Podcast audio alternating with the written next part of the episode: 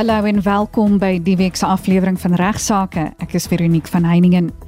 Ignas Kleinsmid bespreek die week luisteraars vra wat handel oor onder meer boedels, afknouery aan die werksplek, asook 'n vraag oor hoe om 'n kooptransaksie stop te sit. In die tweede deel van Regsake praat my spesialis gas, Estmarie McCallahan van van Velden Duffy Prokureurs in Rustenburg oor handelsbeperking. Sy spesialiseer in algemene siviele aangeleenthede.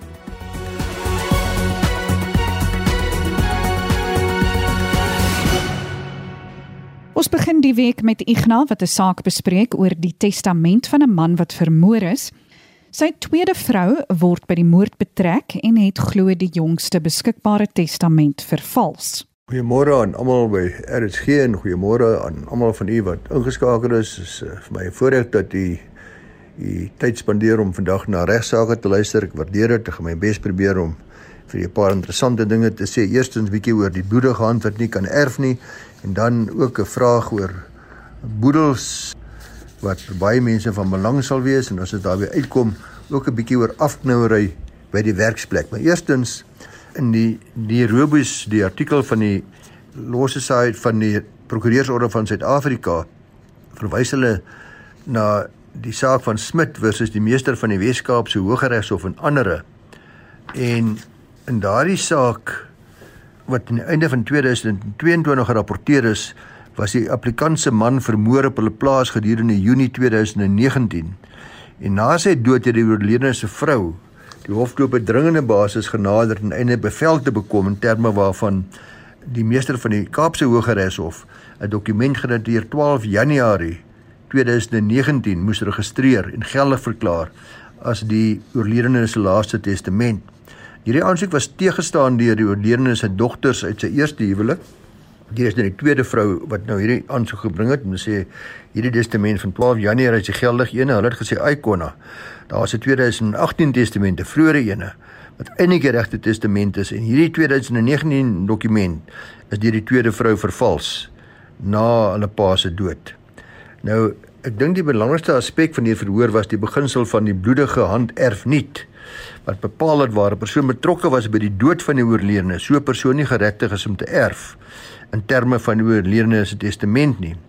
Die hof moes dus eerstens beslis of die applikant onbevoeg was om te erf in terme van die oorledene se testament as gevolg van die feit dat sy 'n medebeskuldigde is in die dood of die moord van haar man. Gedurende ondervraging het een van die plaaswerkers wat intussen staatsgetuie gedraai het, duidelik gemaak dat die applikant hom en sy stiefbroer genader het om die oorledene te vermoor en verder dat sy veranderinge aan die oorledene se testament sou wou aanbring onder andere dat die oorledene se dogters uit sy vorige huwelik dan nie as erfgename benoem sou word nie. Die 2019 dokument sê die artikel in ons prokureurstydskrif die Reibus wat die kern van die dispuut uitgemaak het was deur 'n handskrifdeskundige geïdentifiseer as 'n vervalste dokument. In terme van hierdie dokument natuurlik was die applikant dus in die tweede eggenoot die enigste erfgenaam in die oorledene se nuwe testament, testament aan aanhalingstekens. Die hof kon geen fout vind met hierdie getuies soos geroep deur die respondente nie, dis nou die dogters uit die eerste huwelik en hulle het uh, almal getuienis gelei tot die effek dat die applikant saamgesweer het om haar man te vermoor na sy toegang tot haar man se kluis verkry het en toe met 'n skok uitgevind het dat sy nie sou erf in terme van sy bestaande 2018 testament nie. Die hof het in hierdie geval kon vasstel dat die applikant ten minste 3 dokumente, ander dokumente vervals het. En gevolglik is een van die dokumente ingedien om haar oorlede man se laaste testament kamestig of na bewering te wees. Dis luisteraars gevolglik in terme van openbare beleid kontra bonus mores was die applikant as gevolg van die reël van die bloedige hand erf nie onbevoegd verklaar om te erf en haar aansoek om hierdie testament wat sy dan nou na bewering vervals het as geldige testament te laat verklaar is deur die hof van die hand gewys. Igna het 'n e-pos ontvang wat handel oor 'n huis wat deur beide ma en dogter van die pa geërf is. Hulle bly tans saam in die huis en die dogter sal nou outomaties die huis by haar ma erf wanneer sy afsterwe. Maar hulle wil onder meer weet of dit moontlik goedkoper sal wees indien hulle nou al die huis in die dogter se naam oordra om sodoende boedelbelasting te probeer vermy. Ontvang 'n e-pos van 'n dame met die naam van Leonie Du Plessis.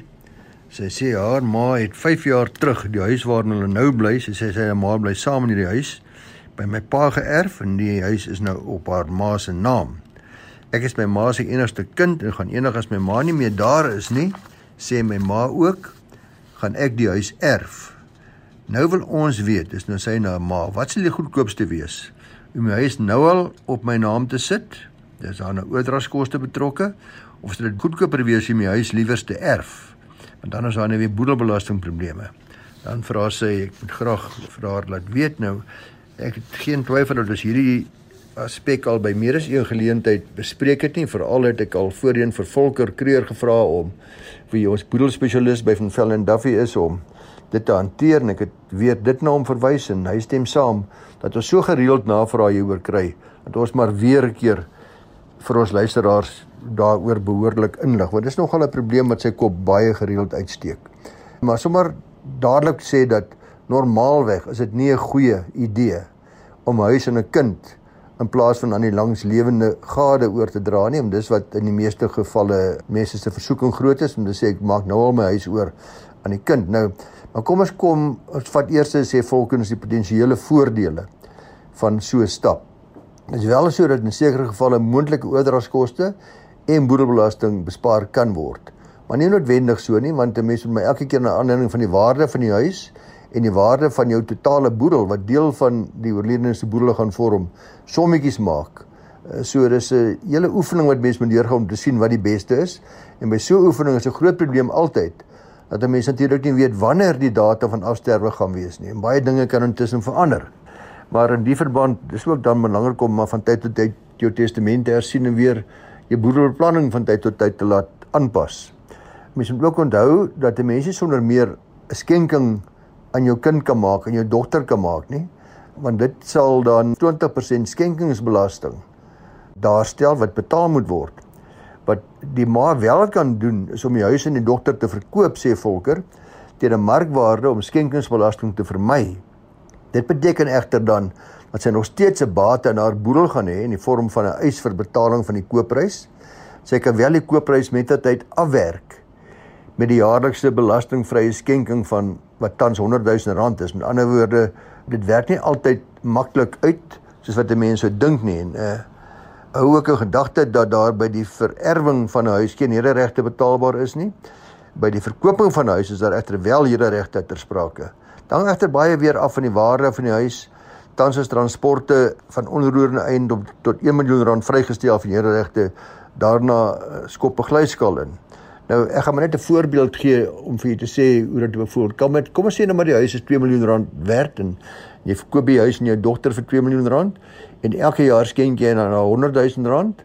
Dit beteken uh, na 20 jaar as jy en sy albei so lank lewe, dan gaan sy die huis klaar betaal en dan is daar niks in jou boedel nie en dan gaan dan is daar geen sprake van boedelbelasting nie. Maar kom ons sê jy sterf na 10 jaar, dan is daar nou 100 000 rand al afgewerk en dan is daar slegs 'n eis wat jy het teen jou dogter van 'n miljoen rand wat dan in jou boedel as 'n bate is waarop jy boedelbelasting gaan betaal indien jy wel vir boedelbelasting kwalifiseer bygesê. En soos ons weet is daar redelike groot bedrae ter sprake voordat mense begin boedelbelasting betaal. Die grootste risiko en nadeel van so 'n stap om 'n huis of enige ander bate aan 'n kind of kinders oor te dra is onder andere gaan dinge tussen ouers en kinders dikwels nie soos mense verwag het dit gaan nie. Dinge loop skeef. Ek het dit oor die baie jare al gesien in my praktyk en so stem Volker ook saam. Daar's gevalle waar mense sê dit sal in my familie nooit gebeur nie, my kinders nooit met my beklei nie en dan natuurlik kom daar die kinders op jou pad wat mense noem skoonkinders. Skoonseuns of skoondogters is dikwels 'n vlieg in hierdie salf wat jy gedink het altyd mooi gesond sal bly. As jy dan jou huis oorgedra het aan jou kind en en julle twee begin beklei en die skoonseun of skoondogter uh, hou nie van jou nie, dan moet jy verstaan dat jy nie meer die sê oor die huis gaan hê nie. Hulle kan dan vir jou kennis gee om die huis uit te trek wanneer hulle huis. Hulle skuld wel vir jou dalk nog geld as jy dit uh, aan hulle verkoop het of as jy dit uh, geskenk het natuurlik nie. ook kan gebeur dat jou kind wat die huis erf voor jou te sterwe kom. Dit is iets wat mense nooit aan dink nie. Nou hy is dan aan byvoorbeeld jou skoonseun vererf. Dan word hy reeds getroud dan en na boedel sê die langslewende gade erf alles. Dan kry jy natuurlik dikwels uh, baie oulike skoonkinders wat jy glad nie voor sal omgee dat hulle maar die eiendom erf nie. En met moenie jy sal kyk maar net so dikwels gebeur dit ongelukkig anderste om dat iemand dan die huis verkry wat jy glad nie in gedagte gehad het dat daardie persoon die huis moet erf nie. So om op te som uh ons advies aan die luisteraars en volkers in is om twee keer te dink voordat die ma die huis aan die dogter oordra. Maar nou ja, elke geval moet op sy eie meriete beoordeel word. Elke geval verander. In hierdie geval sê die dogter hulle bly al 15 jaar of langer, kan nie onthou nie saam. Sy dink jy daar gaan enige probleme wees nie, maar hulle moet beslis 'n prokureur gaan spreek dat hy al die sommetjies mooi maak om te kyk of daar regtig 'n boedelbelasting probleem gaan wees. En indien daar nie 'n boedelbelasting probleem gaan wees nie, is daar geen rede om nou al die huis te verkoop en uh hereregte ensovoorts te betaal of 'n skenking te doen en skenkingsbelasting te betaal nie. Dan moet mens maar uh, kyk dat die vererwing plaasvind as terwyl van haar ma wat natuurlik meer voordelig gaan wees. Maar weer eens gesê, boedelbeplanning is iets wat van tyd tot tyd verander en dit mag wees dat wanneer sy die dogter dan intussen besluit om te trou dat die ma haar posisie wil heroorweeg en dan maar weer eens my raad aan almal van u is om maar van tyd tot tyd wanneer u omstandighede verander weer te gaan seker maak dat u testament nog is soos wat u dit graag wil hê. Ek nou bespreek 'n laaste luisteraarsbrief en die keer handel dit oor 'n kooptransaksie. Luisteraars kortliks ter afsluiting vir die soveelste keer dat ek oor die Kersvakansie weer iemand gekry wat vir my gesê het hulle wil graag 'n transaksie stop sit want hulle pa het uh, eiendom verkoop vir heeltemal te min wat hulle betref. Dis nou wat die dogter wat vir my sê, die pa is te oorlede en hulle vra of hulle hierdie verkoping van die onroerende eiendom kan stop. Nou wel, die slegte nuus is dat die dood van 'n eiendoms eienaar verander glad nie aan die geldigheid van die ooreenkoms nie. Ek dink ons bly net so geldig natuurlik op die basis dat die ooreenkoms in elk geval geldig sou wees en voldoen aan al die vereistes van 'n geldige ooreenkoms. Dan is die boedel van die oorledene gebonde aan die bepalinge van daardie ooreenkoms. Die eksekuteur het 'n plig dus om daardie ooreenkoms na te kom. Dit is wel so dat wanneer iemand sterwe, die eienaar van die eiendom, die verkoper, dan uh, word daar eers 'n tydperk word die ooreenkoms gevries want daar moet sekere dinge gebeur. Die boedel moet gerapporteer word by die meester van die Hooggeregshof en dan moet 'n eksekuteur aangestel word. Die eksekuteur moet dan ook natuurlik vasstel of hierdie boedel inderdaad solvent of insolvent is, want as die boedel insolvent is, is daar weer 'n klompie ander gevolge. En dan moet hy bepaal of hierdie verkoopsooreenkoms op die basis dat die boedel solvent is dat eh, die ooreenkoms 'n geldige ooreenkoms is en soos ek sê dan is hy daaraan gebonde en kan die dogter wat vir my gevra het of sy iets daaraan kan doen ongelukkig niks daaraan doen nie.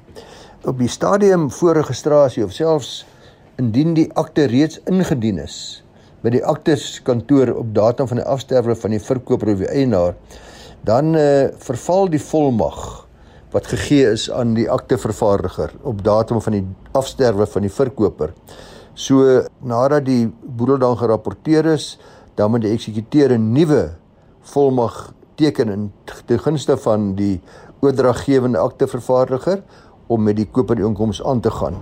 En dit moet dan ook geëndoseer word deur die meester, maar om uh, kortliks net weer te bevestig as 'n verkoper liewer sterf voor registrasie en daar's 'n geldige bindende ooreenkoms, dan hoef erfgename nie tot daardie transaksie toe te stem nie. Dan kan ook nie daarteen beswaar maak nie. Dit is ongelukkig daaraan gebonde, net soos die eksekuteur aan daardie kontrak gebonde is. Groete tot volgende week om 12:30 Maandag.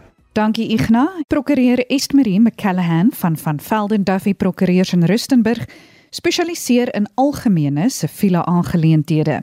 Sy praat die week oor handelbeperking. Welkom terug by Regsake Esmerie. Esmerie, kan jy vir ons verduidelik wat handelsbeperking is? Goeiemôre Veronique, goeiemôre aan die luisteraars. 'n Handelsbeperking is 'n ooreenkoms in terme waarvan 'n werknemer ooreenkom om sy of haar handelsvryheid te beperk vir 'n sekere termyn en gewoonlik ook binne 'n sekere geografiese area. Met ander woorde, 'n een eenvoudige voorbeeld hiervan is wanneer jy byvoorbeeld ooreenkom in jou dienskontrak met jou werknemer dat jy nie vir byvoorbeeld 6 maande nadat jou dienskontrak beëindig is binne dieselfde dorp as jou bestaande werkgewer sal werk nie. Nou hierdie tipe ooreenkomste kan of 'n aparte ooreenkoms wees wat aangeheg word of toegevoeg word tot jou dienskontrak of dit is soms net 'n klousule of twee wat vervat is binne in jou dienskontrak. So dis baie belangrik dat wanneer jy jou dienskontrak teken, jy mooi oplet om te bepaal of daar 'n handelsbeperking klousule daar binne is. Dit is natuurlik ook belangrik om te kyk wanneer jy jou dienskontrak beëindig of wanneer jy 'n pos by enige ander werkgewer aanvaar om weer net seker te maak of daar enige handelsbeperking op jou van toepassing is en of jy daardie handelsbeperking dan sal oortree indien jy hierdie nuwe pos aanvaar. Nou die doel van 'n handelsbeperking is om jou werkgewer se konfidensiële inligting of handelsgeheime te beskerm sodat dit nie in die hande van 'n mededinger beland wat dan sodoende skade aan jou werkgewer kan veroorsaak nie. Die uitgangspunt in die Suid-Afrikaanse reg is dat 'n handelsbeperking geldig en afdwingbaar is tensy 'n werknemer die hof kan oortuig dat die handelsbeperking onbillik is. Nou daar is gewoonlik twee teenstrydige belange of regte wat die hof teen mekaar opweeg wanneer dit kom by handelsbeperkings. Eerstens is dit in die openbare belang dat partye hul kontraktuele verpligtinge teenoor mekaar moet nakom vir alle kontrakte. Onthou, 'n handelsbeperking is 'n kontrak wat jy aangegaan het. Met ander woorde, jy het toegestem tot hierdie beperking en dat dit op jou van toepassing sal wees wanneer jou dienskontrak beëindig is.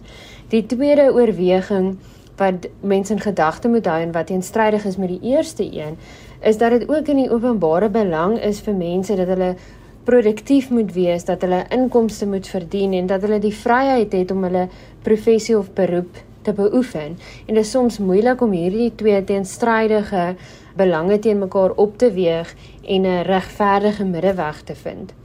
Nou wanneer die hof kyk of 'n handelsbeperking billik is of nie, is daar sekere faktore wat die hof in ag neem of sekere vrae wat die hof homself gaan vra ten einde by 'n besluit uit te kom. Die eerste ding is of die werkgewer 'n belang het wat beskerming verdien na beëindiging van die dienskontrak. Dit sluit enige konfidensiële inligting wat moontlik deur 'n mededinger gebruik kan word. Voorbeelde hiervan is byvoorbeeld 'n lys van al jou kliënte of 'n pryslys van al die produkte wat jy aankoop en teen watter prys jy dit dan verkoop aan jou kliënte. Tipies kan 'n mededinger dan 'n prys stel wat net effens goedkoper is om sodoende kliënte by jou af te rokkel. Dit sluit natuurlik ook konfidensiële inligting in oor sisteme of tegnologie of produkte wat vervaardig of ontwikkel word deur jou werkgewer en wat nie in die algemene publiek se se kennis val nie of wat jou mededingers dan kan gebruik om dieselfde tegnologie of sisteme te ontwikkel om dan ook aan hulle kliënte beskikbaar te stel. Nou indien die antwoord ja is, met ander woorde, indien daar bepaal is dat jy wel 'n belang het wat beskerming verdien na beëindiging van die dienskontrak, is die volgende stap om te bepaal of hierdie belang bedreig word deur die werknemer. Derdens moet die hof dan ook oorweeg of hierdie belang van die werkgewer swaarder weeg as die werknemer se belang om vrylik sy professie te beoefen en 'n inkomste te verdien. En laastens sal die hof oorweging gee aan enige ander aspek wat van openbare belang is en wat dit noodsaak dat die handelsbeperking nie afgedwing moet word nie. Goed, en wat staan 'n werkgewer te doen indien 'n voormalige werknemer hierdie ooreenkoms oortree? Die werkgewer is geregtig om die hof te nader, gewoonlik op 'n dringende basis, vir 'n interdik teen die voormalige werknemer om hom of haar te verplig om die terme van die handelsbeperking na te kom. Jou werkgewer sal jou dus kan verhoed om voort te gaan om by 'n mededinger te gaan werk indien dit teenstrydig is met die terme van die handelsbeperking. Jy sal merk dat ek genoem het dat hierdie tipe aansoeke dikwels op 'n dringende basis gedoen word. 'n Aansoek vir 'n interdik om 'n handelsbeperking af te dwing is gewoonlik inherënt dringend. So dis baie belangrik dat werkgewers so gou as moontlik 'n prokureur gaan sien om die bal in die rol te kry om hierdie interdik te bekom teen die werknemer om sodoende ook enige moontlike skade te voorkom wat die werknemer moontlik kan verrig. Nou die werkgewer moet die hof oortuig dat daar 'n geldige handelsbeperking is wat gehandhaaf moet word en dat die werknemer dit oortree of gaan oortree. Die werkgewer hoef nie te bewys dat die werknemer werklik konfidensiële inligting reeds gebruik het nie. Die werkgewer hoef slegs te bewys dat daar 'n moontlikheid bestaan dat die werknemer die konfidensiële inligting dalk kan gebruik. Die onus skuif dan na die werknemer toe om die hof te oortuig dat die handelsbeperking onredelik of onbillik is en dat die werkgewer in werklikheid geen belang het wat beskerming verdien nie. Jy sal onthou dat ek vroeër genoem het dat die eerste vraag wat die hof oorweeg is of die werkgewer 'n beskermbare belang het. Nou indien die werknemer die hof kan oortuig dat daar geen beskermbare belang is nie of dat die handelsbeperking onredelik is, is dit moontlik dat die hof nie die interdik gaan toestaan om hierdie handelsbeperking te handhaaf nie. Dit is egter ook moontlik dat die hof slegs 'n gedeelte van die handelsbeperking gaan handhaaf en 'n gedeelte nie gaan handhaaf nie. Die werkgewer moet dan pleit en dit is iets wat jou prokureur vir jou sal doen en die hof versoek om slegs 'n gedeelte daarvan te handhaaf indien dit in die lig kom in die hofsaak dat daar 'n moontlikheid is dat die handelsbeperking dalk onbillik is. Die terme van die handelsbeperking moet billik wees. Dis baie belangrik dat die terme billik is. Byvoorbeeld, Jy kan tipies nou nie iemand verhoed om vir 10 jaar lank in die hele Suid-Afrika geen werk te verrig nadat hulle diens by jou beëindig is nie. Dit is natuurlik glad nie billik nie. Dit sal dalk meer billik wees as jy iemand vir 6 maande lank in 'n spesifieke dorp of 'n spesifieke radius verhoed om te werk. Daar was al gevalle waar die hof byvoorbeeld bevind het dat dit billik is om iemand te verhoed om vir 6 maande lank glad nie in die dorp of in die provinsie te werk nie. En dan was daar ook hof bevele gewees waar die hof gesê dit is onbillik vir iemand om glad nie hierna te werk nie. Dit verskil regtig van saak tot saak en van feite tot feite. En dit kom alles neer oor of hierdie handelsbeperking op die einde van die dag billik is of nie. Hou in gedagte dat Ongeag die feit dat jy interdik teen jou werknemer kan kry, jy natuurlik ook 'n skade eis teen jou werknemer sal hê indien hy wel die handelsbeperking oortree en dit skade aan jou veroorsaak het. Mens moet in gedagte hou dat jy moontlik ook 'n eis sal hê teen enige derde party of mededinger wat nou bewus is van jou handelsbeperking en doelbewus voortgaan om daardie konfidensiële inligting by jou voormalige werknemer te kry en teen jou te gebruik om kliënte by jou af te rokkel ensovoorts. So 'n werkgewer sal natuurlik ook daardie twee skade eise kan hê teen mense, maar dit is altyd beter om die skade te probeer verhoed met 'n interdik as om die skade te lei en dan na die tyd daardie skade te probeer verhaal van die mense af. Dit is ongelukkig alwaarvoor ons die week tyd het, maar dit was beslis leersaam en soos altyd baie interessant. Ek bedank graag weer vir Ignas vir sy bydrae tot vandag se program en natuurlik ook vir prokureurs Estmerie McCallahan en Volker Kreur, beide van van Velden Duffy Prokureurs vir hulle bydraes. Vir enige navrae stuur gerus 'n e-pos na my toe by vero@rsg.co.za. Van my Veronique van Heiningen groete tot volgende week.